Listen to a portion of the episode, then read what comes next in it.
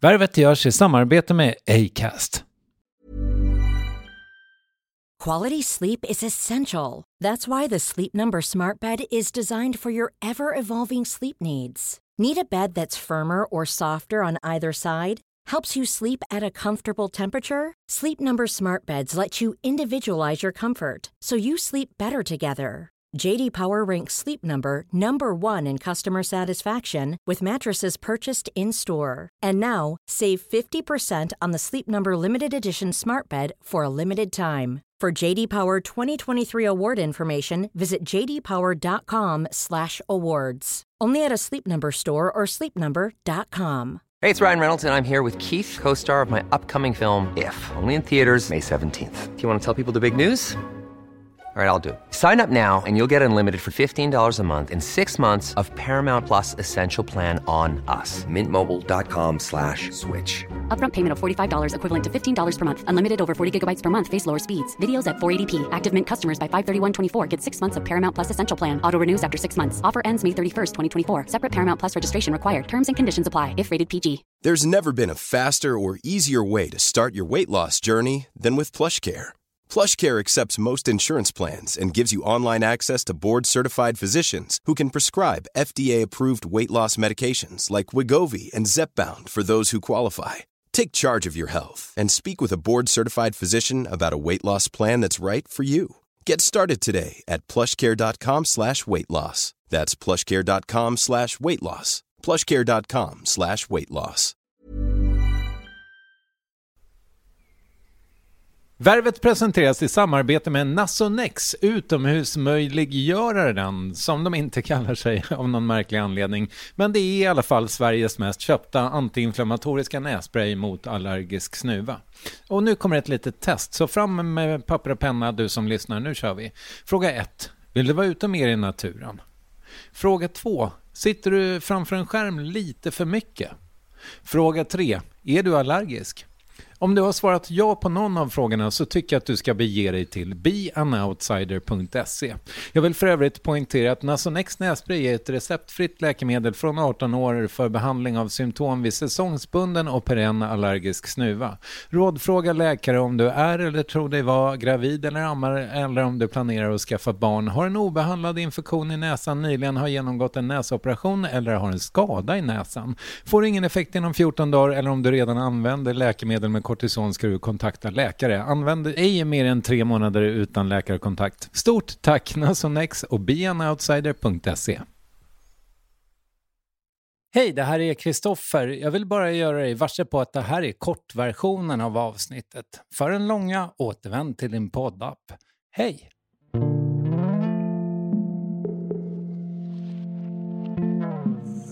Ja, men är rasist, då tänker jag ju att man har problem med människor som är, då har en viss etnicitet.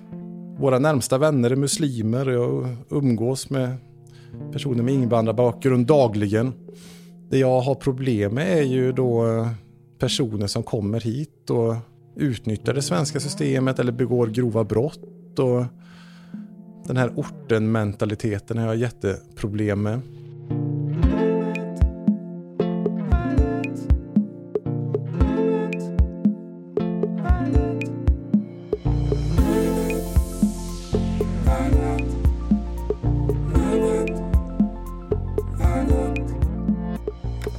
Dags att prata klarspråk nu om vad de här kravallerna i Sverige beror på. Det handlar inte om huruvida man gillar en viss politiker från Danmark eller inte. Utan det här handlar bara om att det finns många människor i Sverige idag som tar första bästa tillfälle att ge sig på ordningsmakten för att man hatar det svenska samhället så mycket. Han har smått ofattbara 280 000 följare på Facebook och på samma plattform finns också gruppen Vi som står upp för Joakim Lamotte med 24 000 medlemmar. Samtidigt hånas Lamotte på andra ställen på internet, hotas till livet, misshandlas eller sägs vara en rasist som går extremhögerns ärenden. Så, är han en rasist som går extremhögerns ärenden? Det ska vi försöka reda ut och vi pratar dessutom om hans nya bok som enligt utsago göms av bokhandlarna. Här är Värvet avsnitt 605 med Joakim Lamotte. Men du, eh, jag tänkte på dig nu, liksom när jag har så att säga förkovrat mig i din gärning. Det känns som att du har varit i blåsväder i tio år i sträck typ. Hur har du det på den fronten exakt i detta nu? Eh, nej men nu är det väl lite mindre blåsväder kan jag tycka. Eh, det har ju gått i vågor genom åren.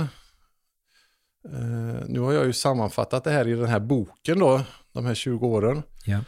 Eh, Men just nu så är det inte så jättemycket blåsväder. Det kan jag tycka är ganska skönt. Eh, Jag tycker det kan vara trevligt om folk läser den här boken och bara kanske tar till sig det man tycker att man vill ta till sig. Jag, jag säger inte att alla ska tycka att jag är en fantastisk människa eller att jag har gjort en fantastisk gärning efter att ha läst den här boken. Men man kanske kan förstå lite bakgrund i alla fall till varför jag har hamnat där jag har gjort och varför jag har fått de åsikter som jag har och sådär. I alla fall. Ja, vi ska prata typ om allt det här tror jag. Mhm. Men hur, hur eh, ja, jag frågade hur läget var förvisso, men hur mår du? Eh, Ja, eh, för tillfället så mår jag bra ska jag säga. Eh, Det känns ändå som att jag har någon slags harmoni i livet. Det har jag ju inte alltid haft. Det har gått upp och ner och, och ibland har det varit värre eh, när det har brakat till så här vid vissa tillfällen. Men just nu tycker jag att jag har ganska bra harmoni i livet.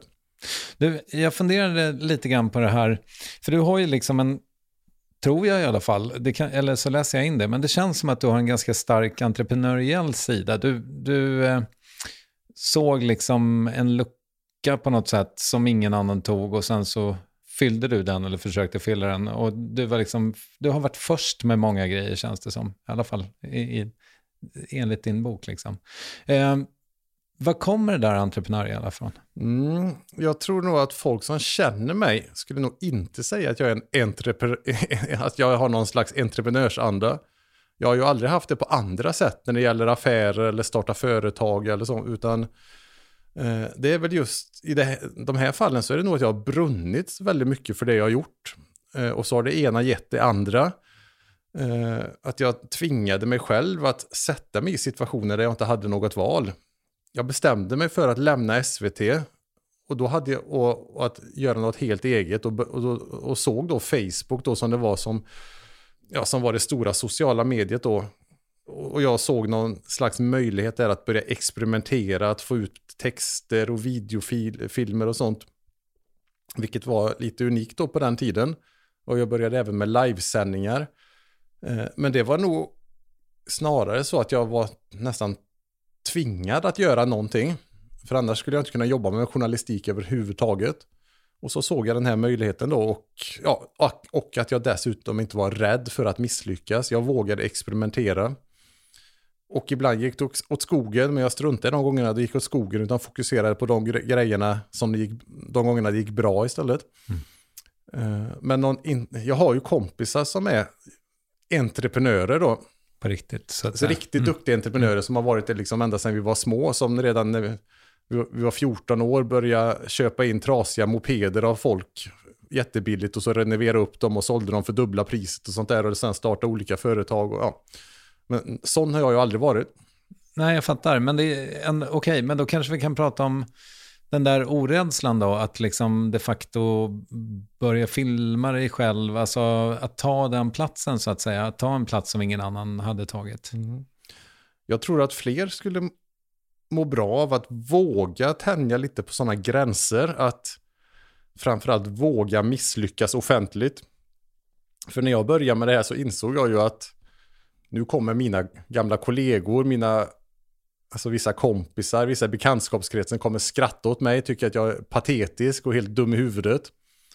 Eh, och att då ändå känna att jag vill experimentera, jag vill utforska det här och se vad som händer.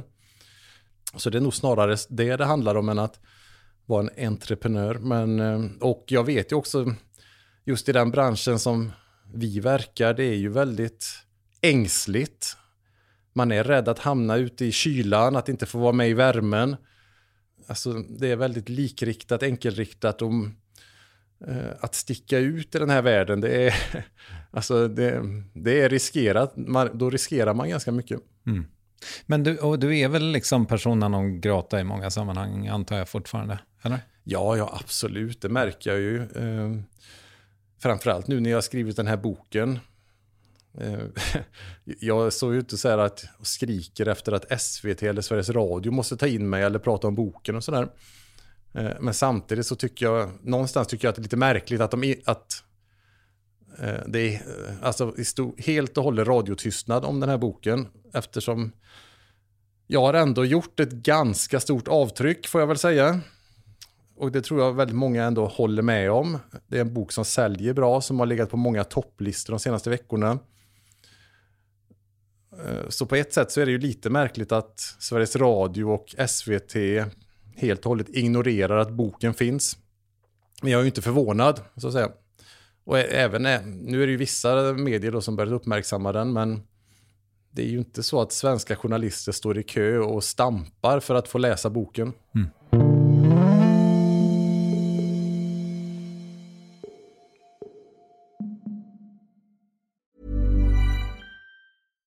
Hej, jag Ryan Reynolds. At Mint Mobile, we like to do the opposite of what Big Wireless does. They charge you a lot, we charge you a little. So naturally, when they announced they'd be raising their prices due to inflation, we decided to deflate our prices due to not hating you. That's right. We're cutting the price of Mint Unlimited from $30 a month to just $15 a month. Give it a try at mintmobile.com slash switch. $45 upfront for three months plus taxes and fees. Promote for new customers for limited time. Unlimited more than 40 gigabytes per month. Slows. Full terms at mintmobile.com.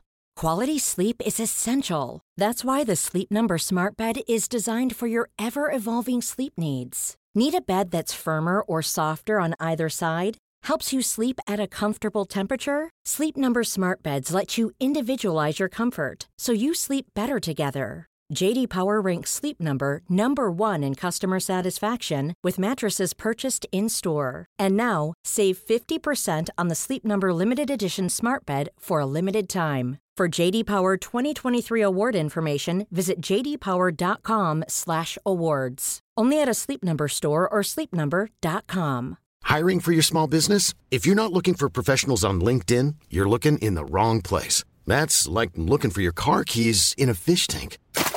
LinkedIn helps you hire professionals you can't find anywhere else, even those who aren't actively searching for a new job but might be open to the perfect role. In a given month, over 70% of LinkedIn users don't even visit other leading job sites. So start looking in the right place. With LinkedIn, you can hire professionals like a professional. Post your free job on linkedin.com slash people today. Yes, ny sponsor. Värvet presenteras i samarbete med Svea Bank. Och jag menar inte att ta ner stämningen, men dessvärre är ju lågkonjunkturen här, vilket innebär att de flesta branscher har det tufft och också väldigt många privatpersoner. Jag vet själv vad det är att ha en trasslig privatekonomi. Det var struligt i många år för mig och låg ofta post i hallen med trista logotyper i ena hörnet och jag hade också i flera års tid ett helt gäng betalningsanmärkningar. Och tyvärr är det nog många som har det svårt att få ihop till räkningarna just nu, som har hamnat i ekonomiskt trubbel. Och det är här Svea Bank kan kliva in med något som kallas skuldfinansiering. Där löser de skulder hos inkasso och till Kronofogden och till och med om Kronofogden vill sälja ditt boende har Svea Bank möjlighet att hjälpa till. I den här tjänsten får du en personlig handläggare som gör en grundlig genomgång av din ekonomiska situation. De tar kontakt med dina kreditgivare och när ett lån beviljats löser de dina skulder skulder åt dig och samla dem i ett enda lån med en avbetalningsplan som din ekonomi klarar av. För om du har hamnat i klister, du är inte ensam och kanske kan det här hjälpa dig. På svea.com skuldfinans kan du läsa mer. Tack Sveabank! Man skulle väl kunna säga att din gärning har kommit att bli ganska politisk, eller hur? Ja, men den har blivit det. Men samtidigt vill jag ju se mig mer som en samhällsskildrare. Jag, egentligen vill jag inte se mig som en politisk kraft, även om jag har förstått att jag är det. Jag vill ju se mig mer som någon som har skildrat vad som har hänt i Sverige. Att jag har gjort nedslag på olika ställen. Jag har tagit upp vissa fenomen då. I det här pusslet eh, som heter Sverige. Mm. Och, där, och vilken utveckling vi har haft under de senaste åren. Eh, och sen, det blir Visst har det blivit politiskt och det har även använts i politiken det jag har gjort. Eh, samtidigt så eh, är jag ju inte partipolitisk aktiv, har aldrig varit det. Även om jag tar ställning i vissa sakfrågor ibland. Men jag tycker väl egentligen bara det är väl bra om man kan påverka politiken. Och sen tycker väl andra att det inte är bra att jag har påverkat dem, men men, men följdfrågan var egentligen, kommer du liksom från ett politiskt hem? Diskuterades det mycket vid köksbordet så att säga? nej, inte speciellt politiskt. Uh, alltså jag tror jag kommer från ett ganska vanligt svennebananhem, ska jag säga. Mm. Däremot har jag minnen av när jag var liten att jag hade en kompis pappa som var väldigt mycket emot Olof Palme. Så det fick man alltid höra när man var hemma hos honom. Okej. Mm. Han hade, till, han hade även en, en bild på Olof Palme som man fick kasta pil på. Gjorde du det? Det minns jag inte, jag minns bara att den satt där i garaget när vi spelade pingis. Så satt det en bild på Olof Palme och så kunde man kasta pil på honom. Så hans pappa var ju inte då förtjust i Olof Palme, minst sagt. Va- Hur skulle du säga att liksom din politiska orientering var när du växte upp? Mm.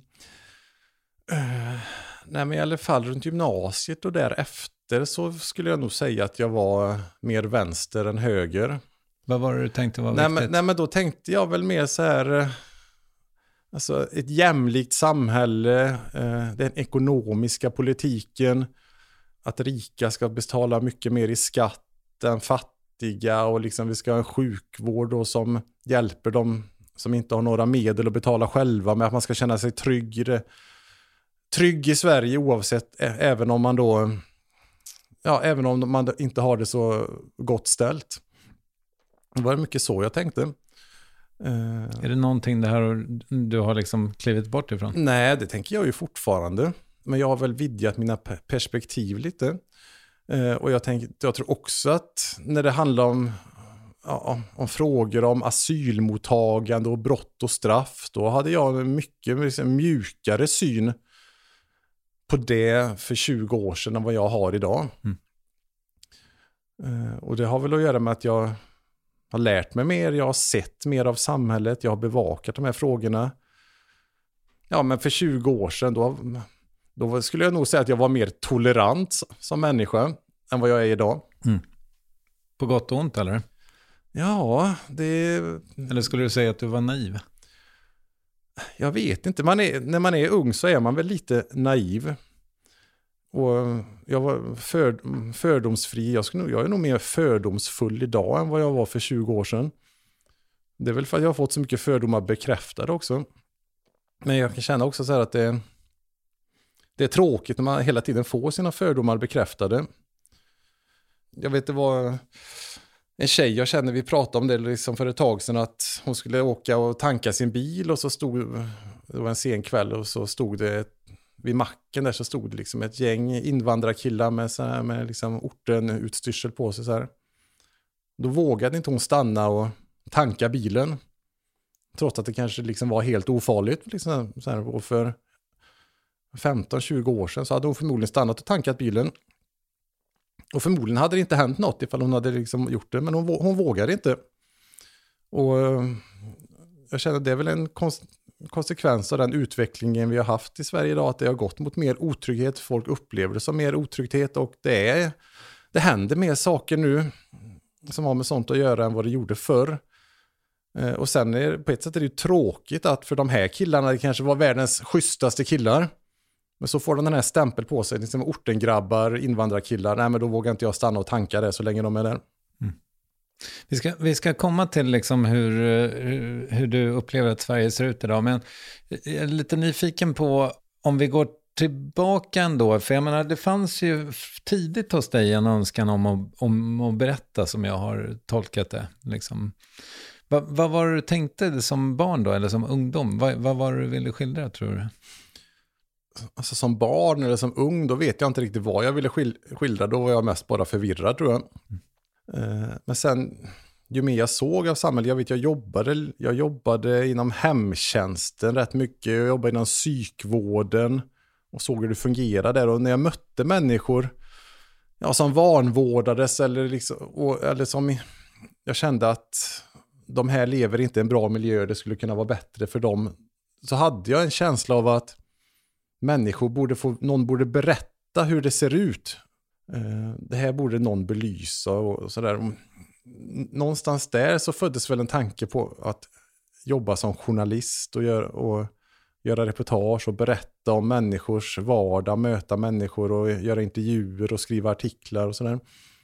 Sen var det vissa, jag vet, jag hade en nära släkting som var som blev rånad av ett gäng vid millennieskiftet, fick ta av sig alla kläder förutom kalsongerna under pistolhot och, och de här killarna de, ja, de slapp i princip straff för att då, det var lite synd om dem. Det var, jag vet, det var också en sån här sak att, så jag var väldigt arg på ett tag. Vad var det för killar som rånade din nära släkting? Nej, det var ju invandrarkillar i Halmstad. Okay. Mm. Och då, började, vet, då började jag fundera om det här med straff, är det rimligt att det är så milda straff för sådana här killar? För att de, då hittar ju de massa då förmildrande omständigheter, så sla, omständigheter och så de slapp i princip straff då. Och ju mer jag börjar se och, se och läsa om sånt där och ju mer jag stötte på det sen när jag jobbar på SVT så börjar jag känna liksom att det, det är någonting i rättssystemet som är skevt när man kan begå brott efter brott efter brott utan att det får några som helst konsekvenser. Så det har ju varit en väldig frustration hos mig och något som varit återkommande också i min rapportering, i, mina, i min åsiktsmässiga rapportering. Mm. Att jag, det kan inte vara rimligt att man, att man kan bete sig hur som helst utan att man får hårdare straff. Och det, varenda polis man pratar med säger ju exakt samma sak och varenda åklagare. Poliser jag pratar med berättar ju hur de plockar in folk varenda dag som begår som beter sig som svin och begår brott. Och så dagen efter så får de plocka in dem för samma brott igen och så bara håller det på så. Så det är ju en sån sak som har varit återkommande i min rapportering. Mm. Men med det resonemanget så då går det ju inte att inte tänka att du drar åt Sverigedemokraterna, tänker jag. Eftersom du har graviterat mot den typen av journalistik hela tiden. Ja, alltså jag, ja, men, jag försöker ju att hålla partipolitiskt obunden. Jag tar vissa frågor som jag håller med i Sverigedemokraterna. Eh, till exempel hårdare straff, eh, att, att fler kriminella ska utvisas. Jag håller inte med Sverigedemokraterna i allt. Jag blir förvånad ibland vad de säger. Eh, jag såg ju på deras landsdagar nu så var det ju då en person som stod och sa i talarstolen att de pratade om det här, det som jag också har bevakat, de här drag queens som läser sagor för barn. Och då het, en av dem heter Skamlös vinhora. Jag har kritiserat det här jättemycket. Jag tycker inte att jag tycker inte kanske att våra skattepengar ska gå till att en skamlös vinhora som verkar ha väldigt destruktivt leverne eh, ska sitta och läsa, läsa ut, sitta utklädd till kvinna och läsa sagor för förskolebarn. Men, då, den här Sverigedemokraten då tar, står i talarstolen och säger att den här personen ska skickas ut ur landet. Jag tänkte så här, det, det, det, det, jag, det får inte jag ihop. Det här är ju ändå det här är ju nog en svensk person. Ska den här, ska vissa då kulturutövare som man inte gillar, ska de skickas ut ur landet? Och så, och, och så är det ingen annan i partiet som riktigt reagerar över att det är ett väldigt ganska makabert uttalande. Mm. Att politiker ska bestämma vilka kulturutövare som ska skickas ut ur landet. Även om jag själv är jättekritisk mot den här företeelsen att våra skattepengar ska gå till den här verksamheten så tycker jag inte så här, man kan ju inte bara stå och säga att de här kulturutövaren ska skickas ut ur landet och står han och säger på deras men vad är det som, eh, om vi bara snabb, förlåt, jag har inte riktigt hängt med varken i den debatten eller vad du tycker kring den, men är det det faktum att dragqueens läser sagor eller är det det att dragqueenen heter Shameless Winehorse som är problemet?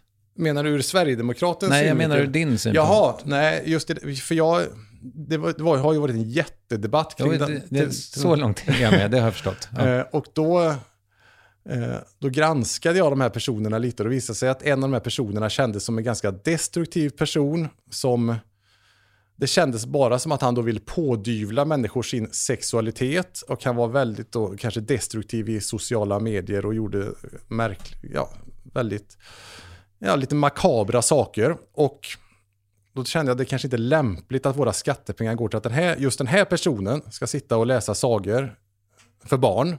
Okay. För jag vet ju liksom hur känslig debatten är. Jag skulle ju aldrig få bjudas in och läsa sagor för barn för att jag är en sån kontroversiell person. Men, men eh, kanske hade varit bra ifall du fick göra det också ja, så att säga. Ja, absolut. Är det men inte jag, bra ifall barn exponeras för alla möjliga? Ja, jo, precis. Nej, jag tror inte att barn så här, far illa för det, men jag tycker kanske att just, jag, jag har ju själv uppträtt som dragqueen, det gjorde jag ju innan, i våras, på eh, Lisebergsteatern. Eh, men jag har inget problem med drag queens dragshows, men jag tycker kanske inte just det, för, men det det har ju väldigt mycket med deras sexualitet att göra. Man kommer inte bort från det. Jag tycker kanske inte man ska behöva pådyvla småbarn deras sexualitet. Det är väl lite så jag tänker. Mm. Men om vi bara går tillbaka till det här med eh, den eventuellt apolitiska journalistiken. För det känns ju som att när du liksom kliver av SVT, då är det på något sätt... Du, du har i alla fall titulerat dig som journalist och åsikts... Mm. Vad säger du? Åsiktsbildare? Åsikts, opinionsbildare. opinionsbildare. Nej, men jag, och jag, för, och, ja, nej, men jag är ju tydlig med det också. att Jag har åsikter. Jag låter mina åsikter återspegla mycket av det jag gör. Jag försöker vara transparent med det. Mm. Till exempel så har jag gjort flera reportage där dömda sexförbrytare får stanna kvar i Sverige och slipper utvisning. Då är jag ju väldigt tydlig med att jag tycker det är en helt orimlig hållning att de ska få vara kvar i Sverige om de kommit hit och bott här några år, inte anpassat sig till det svenska samhället och, be, och ja, begår sexualbrott till exempel. Då tycker jag det är helt orimligt att man låter dem vara kvar. Att, att det är något fel i rättsväsendet när åklagare inte ens yrkar på det. Eh, och så finns det vissa sådana ja, såna sakfrågor där jag tar tydlig ställning och då är jag ganska öppen med det. Mm. Eh, det kan jag tycka är mer ärligt kanske än att gå och säga att man inte har några politiska mål alls med sin rapportering, vilket många på SVT och Sveriges Radio säger utåt, samtidigt som jag vet att de har väldigt mycket politiska mål inåt. Jo, men sa de inte det utåt och verkade det inte så utåt så hade de ju fått sparken antar jag. Ja, det är inte säkert. Jag vet ju många som har varit engagerade i vänsterfrågor som inte har fått sparken. Okay. Mm. Mm. Vad, vad, är en vänsterfråga? Ja, vad fasen är en vänsterfråga? Det är en bra fråga. Uh, jag skulle nog säga det är mer, som jag tänker på, det är kulturvänstern. Jag tänker, jag, det så, de frågorna som jag tänker på under de här åren, det har varit saker om uh, som gällt så här, antirasistfrågor och att hata SD. Jag har ju haft kollegor som varit med i kampanjer för att hata SD, uteslut SD och stoppa Jimmy Åkesson. Eh, helt öppet. Okay. Och, ändå fått kom och ändå kommit undan med det. Mm. Uh, och jag vet en sån som Alexandra Pascalido som är väldigt tydlig med sina åsikter som ändå återkommande har då fått göra dokumentärserier och programlett saker på SVT. Mm. Kakan Hermansson som säger att hyllade morden i Alexander och ändå då liksom får uppdrag på Sveriges Radio. Det, det, det finns ganska många sådana exempel. Eh, nu är ju de inte här och kan försvara sig, etc. Men jag, för jag funderar på det här med dina belackare. De, du har ju i många, många, många år fått höra att du går extremhögerns ärenden. Gör du det? Vad är extremhögern då? Jag tror att i det, i det här citatet så är det väl eh, Sverigedemokraterna som avses. Ja, jo men de, eh, jag går extremhögerns ärenden. Da, tidningen Dagens ETC hade en rubrik som sa att jag spred högerextrem propaganda häromåret. Eh, då ringde jag upp chefredaktören och frågade om han hade exempel på vad jag hade spridit för högerextrem propaganda. Eh, det hade han inte några exempel på. Då föreslog jag att de skulle ta bort den här texten. Eh, den ligger fortfarande kvar. Eh, nej, men det, jag har väl tagit i sådana frågor som eh, kanske har gynnat Sverigedemokraterna och andra då personer och politiker som står för de sakerna.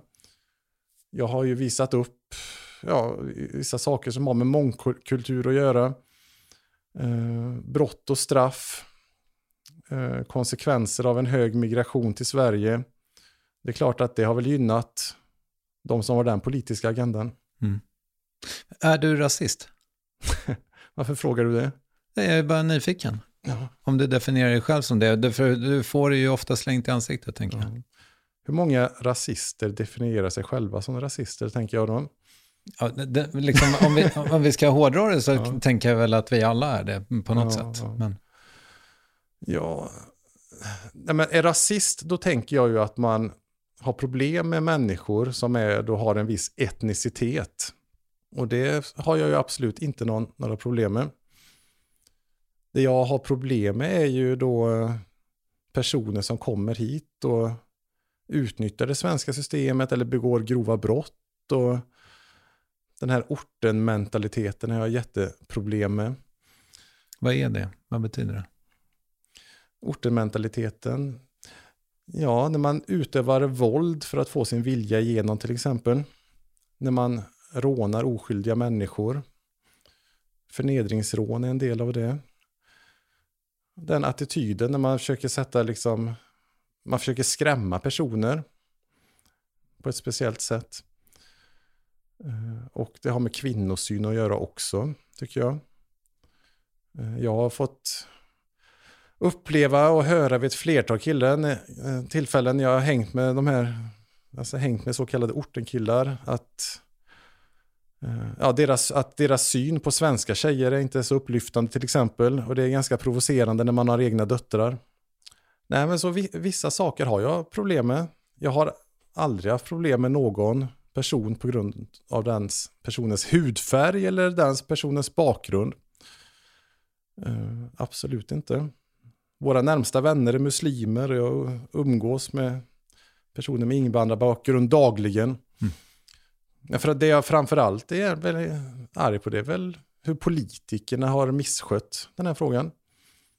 Att man, att man har känt till problemen men struntat i det. Nu kom ju häromdagen så kom ju en rapport inifrån Socialdemokraterna där de erkänner att de har misskött den svenska migrationspolitiken totalt. Och det, det blir ingen stor debatt om det, men jag kan ju tycka då att nu går de ut och säger sånt som många då sa för fem, sex, sju, åtta år sedan. Jag kan tycka att det kanske är på plats att vissa ber om ursäkt för att man har kallat människor för rasister. Mm. Men all, allting handlade ju om att stoppa SD. Det var ju den gemensamma fienden. Och då kunde man då ville man inte ta till sig fakta, utan det var bara det som SD-tourettes kallar jag det. Att allt handlade bara om att stoppa SD, det var den absolut viktigaste frågan. Vilket gjorde att man misskötte migrationspolitiken otroligt mycket. Och det var väldigt frustrerande att stå mitt i de här områdena, stå i de här kravallerna i mitten av, ja, ganska tidigt i 2000, under 2000-talet och se detta samtidigt då som man hörde politiker eh, bortförklara det helt och hållet. Det var väldigt frustrerande. Mm. Eftersom du, eh, vi kan prata om dina politiska åsikter tänker jag, eftersom du låter ju dem färga ändå. Behövs SD? Om SD behövs, ja du.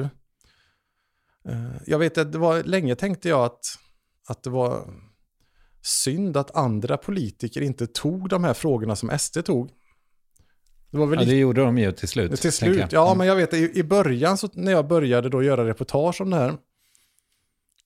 Så, så var väl lite mitt mål att de andra partierna skulle få upp ögonen och ta i de här frågorna mer. Eh, och nu gör de ju det.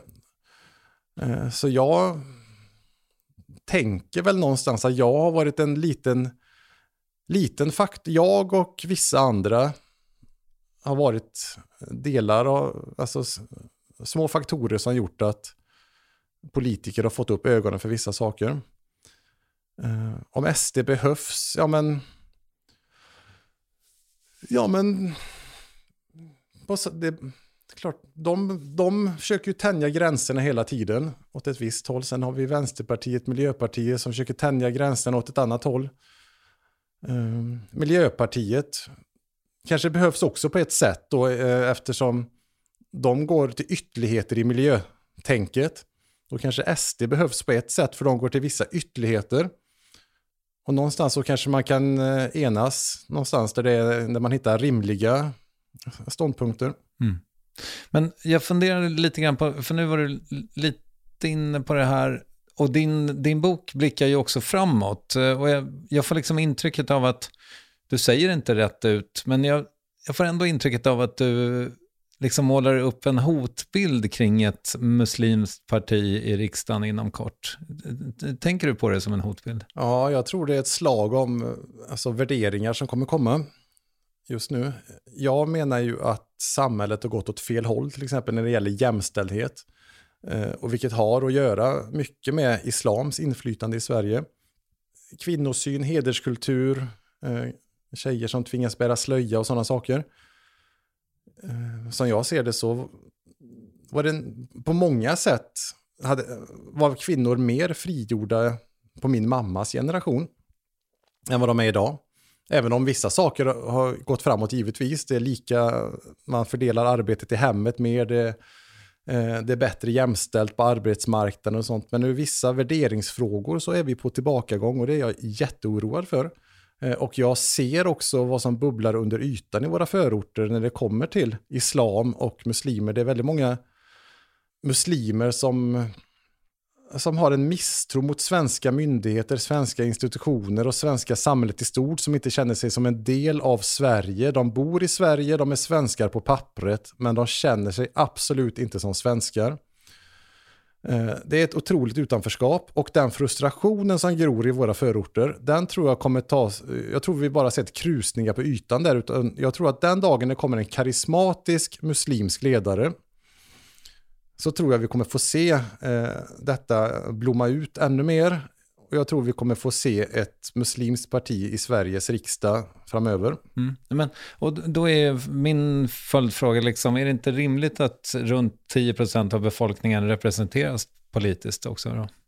Jo, absolut, absolut, det är ju helt rimligt. Men det är inte det du tänker på? Men, men, ja, nej, men, och då måste ju man också kunna ha åsikter om det är bra, om det är, om de här värder, värderingsfrågorna då som jag pratar om jag har ju inte mycket till övers för religion i allmänhet. Men jag anser ju att kristendomen har kommit längre i vissa frågor. Man är ett modernare religion än vad islam är. Eh, och jag är orolig. Vi pratar om eh, liksom, jämställdhet och liksom för kvinnor och män. Vi pratar om hbtq-frågor. Samtidigt som Går man ut i våra förorter idag, du vet, det går inte att prata om sådana frågor. Prata om homosexualitet, det ses ju nästan som en sjukdom skulle jag säga. Och just det här med kvinnans roll. Att, man inte får, att kvinnor inte får vara imamer, de får inte vistas i vissa platser i moskéer. Det är, som, det är som, såna, mycket sådana värderingsfrågor som jag tycker att som jag ser problem med och som jag är orolig för. Vad säger dina bästa vänner, de mus det muslimska paret som ni umgås med? Jag tänker att det måste finnas hur många liberala muslimer som helst. Ja, jo, absolut, absolut. Framförallt de, de som vi umgås med, som är muslimer, de är ju liksom som vem som helst. Utan jag tänker ju på de som den stora, en stor, det är en stor del som inte anpassar sig till det svenska samhället. Som lever totalt utanför det svenska samhället och som lever med de här värderingarna. Och de skulle jag nog säga är fler än vad de flesta tror. Eh, och sen är det ju jättebra att människor integrerar sig och blir en del av Sverige och tar till sig nya idéer och värderingar. Mm. Men jag tror att de med gamla unkna värderingar skulle jag säga, som bor i våra svenska förorter idag, är fler än vad de flesta tror. Okej. Okay. I majoritet skulle du säga? Eller? Jag kan inte räkna på så, men det jag har mött när jag har varit ute under alla de här åren, mm. Eh, så ska jag nog säga att de är nog i majoritet i våra förorter i alla fall. Mm. Även om det, liksom, det är trevligt med, tre, jag pratar med trevliga, hyggliga människor. Men kommer man närmar man sig de här frågorna, så pratar man homosexualitet till exempel, det är liksom bara totalstopp, det är som att gå in i en vägg. Mm. Summariskt, vad tror du om Sveriges framtid? Mm. Ja, du, jag tror vi kommer ha några år framöver oss när det är politisk kaos. Jag tror det kommer bli ännu mer politisk kaos i nästa val. Eh, jag tror att eh, sossarna och de kommer gå framåt väldigt bra. Jag tror SD kommer gå fram väldigt bra. Och jag tror det kommer skapa ett otroligt kaos så jag inte riktigt vet hur de ska lösa. Eh, samtidigt tycker jag att det är bra att vissa saker har kommit upp på bordet nu som inte gick att prata om för 5-10 år sedan. Eh, det är positivt, men det är otroligt stora utmaningar. Jag tror att just det som vi pratade om tidigare, just vilka värderingar vi ska ha i samhället, det tror jag kommer bli det absolut viktigaste framöver att prata om. Men du, eh, då tackar jag för att du tog dig tid. Tack så jättemycket för att jag fick komma.